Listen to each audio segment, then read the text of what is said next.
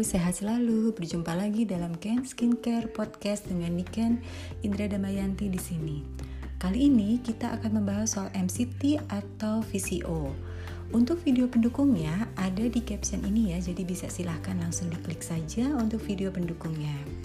Banyak pertanyaan, apakah MCT itu? Atau pertanyaan seperti, kalau gitu saya pakai VCO saja ya, tidak perlu MCT.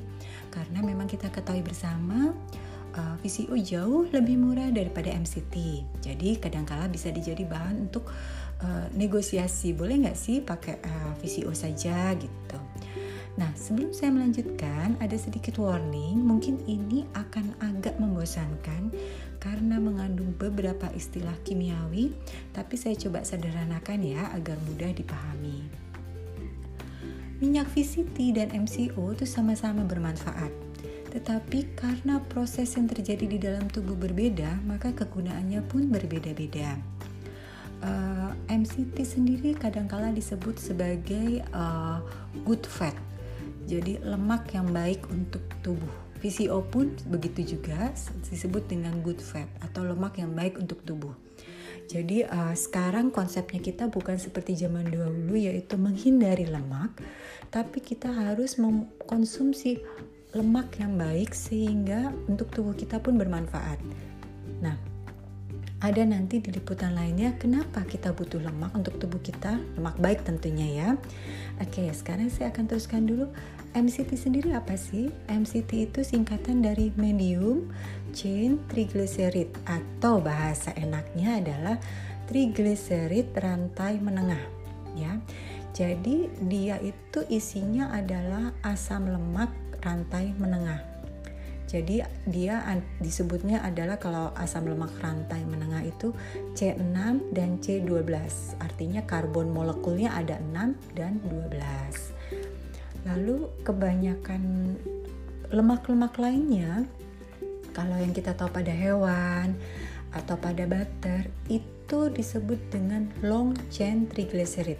Jadi tadi MCT adalah medium, sedangkan kalau yang lainnya yang lawannya adalah long chain triglycerid atau triglycerid rantai panjang atau LCT. Dia memiliki lebih dari 12 molekul karbon. Lemak LCT itu di dalamnya adalah misalnya dapat ditemukan di daging, di ikan, di alpukat, di kacang-kacangan, di biji-bijian, minyak kedelai. Nah, VCO masuk ke dalam LCT ini. Jadi VCO disebut juga sebagai triglycerid rantai panjang. Jadi eh, sekarang terlihat ya bedanya. Rantai panjang adalah VCO, rantai pendek adalah eh rantai medium adalah MCT.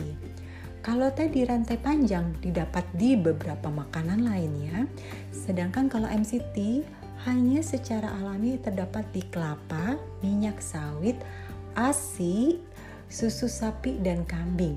Ayo, bagus ya. Jadi MCT itu malah didapatkan di ASI. Jadi sejak kita bayi, kita sudah konsumsi MCT dalam bentuk ASI. Nah, kita sekarang lanjutkan. Uh, banyak orang yang menggunakan, oke okay, kalau gitu saya gantian deh kali ini MCT, besok LCT. Kalau MCT-nya udah habis LCT atau VCO ya. Um, Gak masalah, boleh seperti itu, tapi ingat lagi, kembali lagi proses kimiawi dalam tubuhnya berbeda. Karena gimana pun juga rantai medium pasti beda dengan rantai panjang. Kalau rantai medium itu lebih mudah diserap oleh tubuh. Jadi dia tidak membutuhkan enzim-enzim untuk memprosesnya. Dia akan langsung dicerna dan langsung ke hati setelah itu sebagai sumber energi. Sedangkan kalau yang panjang, dia akan melalui beberapa proses pencernaan. Jadi agak panjang fungsi dan manfaatnya untuk tubuh. Kalau masuk MCT, jreng gitulah kesannya ya, langsung diproses. Sedangkan kalau uh, eh, VCO masuk ke tubuh, agak ada proses dulu ya. Nah, Gimana sih cara pembuatannya? Kok VCO banyak ya di lapangan? Ya, VCO itu dibuat dari daging kelapa yang dikeringkan lalu diambil minyaknya. Hasilnya yaitu VCO itu. Akibatnya karena mudah sehingga banyak dihasilkan, banyak dijual, harga juga bisa lebih murah. Sedangkan MCT itu dilakukannya sama seperti mendapatkan VCO, tapi setelah itu ada proses tambahan. Diproses lagi, dipisahkan lagi uh, karbonnya hanya menjadi medium saja. Jadi kalau VCO itu masih terdapat long chain triglycerid dan medium chain triglycerid di dalam VCO. Nah, kalau MCT dipisahin, yang long chain um, triglyceridnya dibuang, jadi cuma tersisa medium chain triglycerid saja. Terbayang ya sekarang? Lalu kalau di biar kita ingin tahu ini mana yang asli ya, VCO atau MCT, gampang. Taruh di suhu kamar, VCO itu akan padat kalau MCT tidak akan pernah bisa padat, dia selalu cair. Kalau di suhu kamar ya. Nah, tadi saya juga sudah jelaskan ingredientnya MCT itu 100% MCT. Sedangkan kalau VCO itu ada campuran antara eh, LCT dan MCT. Karbonnya sendiri disebutnya adalah caprylic acid C8 dan caprylic acid C6. Ini yang di MCT. Karena pendek ini jadi sangat cocok dilakukan untuk yang water fasting, untuk energi tubuhnya. Jadi walaupun tidak masukkan apa pun, tubuh masih bisa tetap berenergi berkat MCT ini. Sedangkan kalau VCO tuh selain caprylic acid dan caprylic acid yang ada di MCT, 42%-nya terdiri dari lauric acid C12 yang panjangnya. Nah, kalau caprylic acid dan cap Caprylic acid itu hanya sekitar 7-5% saja. Jadi perbandingannya kalau di MCT, caprylic acid dan caprylic acidnya 100%, kalau di VCO hanya antara 7-5%. Gitu ya. Lalu benefitnya saya ulang lagi, benefitnya MCT menjadi sumber energi instan sehingga bisa menjadi bahan bakar otak. Jadi kita tidak akan mengalami uh, brain fog atau tidak bisa konsentrasi walaupun lagi water fasting. Yang lucu, yang kerennya lagi adalah memberi memberi sensasi kenyang lebih lama. Nah, kalau orang-orang bertanya kok bisa ya Niken sampai fastingnya lebih dari 72 jam? Bisa karena saya konsumsi MCT karena dia memberikan uh, signal kenyang di hormon hunger saya. Lalu yang bisa uh, benefit dari MCT lainnya adalah untuk epilepsi, Alzheimer, dan autisme. Dia membantu sekali di sana. Lalu juga melawan jamur dan bakteria, mengurangi resiko kolesterol, lalu bagian diabetes yang sudah insulin resisten, MCT ini juga sangat bagus. Yang bagus juga untuk para wanita adalah dia melawan candida albicans, albicans. Yang juga bagus adalah membantu menurunkan berat badan. Kok bisa? Ya, karena dia langsung cepat terserap sehingga terjadi pembakaran dalam tubuh. Pembakaran dalam tubuh membutuhkan fat. Nah, fat-fat kita ini yang menimbun dipakai oleh si MCT, eh, dipakai oleh tubuh untuk tetap bermetabolisme, akibatnya menjadi turun berat badannya. Dan untuk kulit, dia efektif untuk jerawat dan iritasi kulit, ya. Sedangkan kalau EVCO, dia untuk antibakteria, antivirus, dan membantu tubuh yang resisten terhadap antibiotik. Itu manfaat dari VCO. Nah, sekarang tinggal pintar-pintar kita saja mau memilih yang mana. Kalau pakai MCT, ya tadi saya sudah sebutkan, mungkin akan ada pertanyaan kalau gitu VCO lebih lengkap dong daripada MCT. Betul lebih lengkap, tapi zat yang digunakan oleh tubuh hanya 12%. Eh, 7 sampai 5% saja. Sedangkan sisanya itu menjadi long chain yang diproses oleh tubuh nggak tahu kapan selesai prosesnya karena membutuhkan proses yang agak panjang dan lama. Begitu ya bedanya VCO dan MCT uh, sampai jumpa lagi di podcast lainnya dari Ken Skincare. Uh, salam sehat sukses selalu ya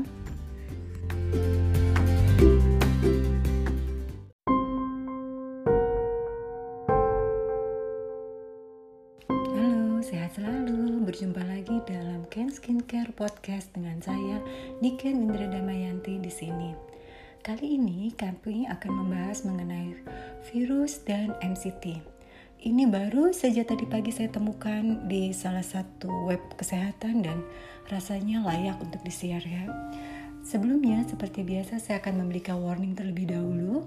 Medical disclaimer, podcast ini bertujuan untuk edukasi, bukan pengganti saran para profesional kesehatan. Sadari kondisi masing-masing, jangan ragu untuk selalu mencari data-data pembanding. Nah, selama ini jika ada user di Ken Skincare yang terkena COVID, biasanya diberikan usulan mengkonsumsi echinacea, probiotik, glutathione, NAC, vitamin D3, ashwagandha, dan beriti. Nah, tapi seperti yang selama ini saya selalu bilang, betapa cepatnya ilmu kesehatan berkembang. Selalu ada penelitian terbaru lagi dan terbaru lagi. Nah, kali ini penelitian terbaru ini mengenai MCT. Apa itu MCT? Bisa dilihat di uh, session sebelumnya yang saya juga uh, sertakan linknya di caption sini ya. Salah satu yang saya temukan adalah di website milik NHBI. Linknya juga ada di caption saya, jadi jika berminat untuk langsung ke web aslinya, bisa langsung ke caption saya ya. Nah, ini adalah berjudul Switching Host Metabolism as an Approach to Dampen COVID Infection. Yang maksudnya adalah merubah metabolisme sel dalam tubuh kita sebagai pendekatan untuk mengurangi infeksi terhadap COVID. Wah, bagaimana bisa? Oke, kita mulai dulu dari awal mengenai apa sih virus itu. Virus adalah parasit yang dalam proses uh, memperbanyak dirinya, dia mengandalkan hostnya. Nah, dalam hal ini hostnya berarti tubuh kita atau bagian yang terkecil lagi dalam tubuh kita yaitu sel tubuh kita. Jadi selagi kita mengkonsumsi asupan yang ramah virus, mau nggak mau virus akan bertambah banyak atau replikasi sebutannya. Jadi konsepnya adalah yuk rubah kondisi sel tubuh kita sehingga virus tidak sanggup lagi untuk melakukan replikasi. Uh, poin pentingnya adalah jika kita masih saja mengkonsumsi simpel gula, simpel karbohidrat, itu sebetulnya sangat disukai oleh virus sehingga membantu mereka untuk melakukan replikasi. Oke, okay, di studi yang disebutkan di NHBI, dia menyebutkan kalau hentikan semua asupan yang berupa asam lemak rantai panjang yang disebut dengan LCFA dan gantikan dengan suplemen trigliserida rantai menengah atau MCT karena ini dapat meningkatkan pengeluaran energi tubuh dan oksidasi lipid. Nah, karena ada peningkatan energi itulah virus-virus tidak dapat melakukan replikasi atau bertambah banyak. Wow, berarti makanan yang kita asup itu dapat memberi makan pada virus ataupun membuat virus kelaparan. Lagi di dalam web itu ada lima kebiasaan diet yang mendukung virus melakukan replikasi. Nomor satu, menjadi pembakar gula. Apa sih pembakar gula? Kembalikan dari pembakar gula adalah pembakar lemak. Jika kita masih konsumsi simple karbohidrat dan juga gula, sama saja kita mengarahkan tubuh kita menjadi pemakan lemak. Loh gimana gimana gimana? Makan karbohidrat membuat tubuh kita menjadi pemakan lemak. Itu yang dihindari. Kita harus menjadi pembakar gula di dalam tubuh kita. Nah, kenapa bisa begitu? Karena jika kita makan karbohidrat atau gula yang berlebih dari yang dibutuhkan oleh tubuh, mau nggak mau akan tertimbun di dalam tubuh menjadi lemak. Nah, ingat ya, ilmu terbaru, lemak dalam tubuh ber, uh, terutama berasal dari karbohidrat, bukan lemak itu sendiri. Karena sekarang kita mengenal ada yang disebut dengan lemak sehat dan lemak tidak sehat. Yang lemak sehat kita makan itu biasanya malah yang membantu pembakaran dalam tubuh kita. Tapi yang mengendap di dalam tubuh kita, lemak-lemak yang mengendap dalam tubuh kita itu berasal dari karbohidrat. Nah, jika karbohidrat ini berlebih, tubuh selalu menggunakan karbohidrat yang berlebih ini menjadi pembakaran dalam tubuh kita. Nah, ini yang menjadi sumber kesalahan yang terjadi dalam tubuh kita. Lalu, makan sepanjang hari. kita selama ini diajari bahwa makan 6 kali makan itu wajar ditambah snacking lagi. Tapi sebetulnya ilmu terbaru membuktikan bahwa puasa justru yang terbaik. Puasa memungkinkan tubuh kita sembuh dan beregenerasi. Bayangkan, uh, kita bebani terus menerus sel dalam tubuh kita dengan segala jenis makanan Makanan yang masuk ke tubuh kita memerlukan proses bukan sekedar makan. Di dalam tubuh kita dia akan diuraikan oleh enzim, oleh nanti setelah udah diuraikan oleh enzim disebarkan ke pembuluh darah, lalu juga disebarkan ke liver untuk memfilter racun-racunnya. Sibuk sekali. Bayangkan kalau kita makan enam kali atau makan tiga kali plus dengan snacking, kayak apa kesibukan dalam tubuh kita. Saking sibuknya dia ngurusin makanan yang masuk, dia nggak sempat lagi melakukan regenerasi. Jadi sel-sel yang rusak di dalam tubuh kita terbengkalai. Harusnya sel yang rusak itu digantikan oleh sel yang baru. Tapi karena tubuh kita sangat sibuk, dia tidak sanggup lagi melakukan tugasnya sebagai regenerasi. Nah, saya pahami semua agama mengajarkan soal puasa jadi sebetulnya kita sudah diajarkan oleh Yang Maha Kuasa mengenai kehebatan suatu konsep yang disebut dengan puasa. Nah, sekarang coba cek, kita masih kasih anak-anak cemilan nggak? Lalu, yang ketiga adalah kita masih mengkonsumsi karbohidrat tinggi. Tadi udah disebutkan karbohidrat itu membuat tubuh kita menjadi pembakar lemak, bukan pembakar gula. Lalu yang terakhir, kita masih memakan makanan asam lemak rantai panjang. Saya sebutnya lemak buruk. Ini terdapat di nabati, kanola, jagung, minyak kedelai. Inilah yang mengundang virus masuk ke dalam sel. Ya, di dalam web Sadisa juga dijelaskan mengenai diet COVID. Apa itu diet COVID? Oke, diet COVID adalah pagi hari kita konsumsi NCT sebanyak 20 gram. Lalu kita lakukan fasting atau intermittent fasting. Selama fasting atau puasa ini kita tetap harus konsumsi suplemen, minum air dan juga uh, jangan lupa dengan elektrolit ya. Jadi kita tidak malnutrisi. Yang tidak boleh masuk adalah sesuatu yang membuat insulin kita meningkat yaitu ya makanan sudah pastinya. Jadi kalau minum air putih sangat dianjurkan. Lalu juga yang dianjurkan lagi adalah uh, teh, terutama green tea dan suplemen wajib dan elektrolit. Lalu pada jam makan siang konsumsi lagi 20 gram MCT. Nah, pada saat makan siang dilarang tetap memasukkan apa pun karena kan kita lagi dalam masa fasting ya kan? Nah baru kita makan betul-betul makan itu pada saat makan malam. Di mana kita memakai adalah balance diet. Mendapatkan fiber, karbohidrat, dan mineral dari buah yang tidak manis, contohnya alpukat atau berry, dan juga sayur-sayuran. Ya, nah Eh, saya pahami setiap kita konsumsi bagi yang pemula menggunakan uh, eh, MCT itu ada suatu kendala tersendiri di tubuh kita yaitu kita jadi seperti diare tapi bukan diare. Kenapa itu terjadi? Itu hanya proses penyesuaian tubuh. Nah, ini saya kasih batasan supaya kita bisa tubuhnya bisa menyesuaikan. Tiga hari pertama minum satu MCT di pagi hari atau sesaat sebelum makan. Nah, satu MCT itu berarti cuma satu gram. Ingat, kalau COVID diminta 20 gram. Kalau kita belum membiasakan tubuh kita dengan MCT, tiba-tiba dihujani 20 gram, mau nggak mau langsung mules. Jadi yuk kita mulai biasakan. Tiga hari pertama satu MCT.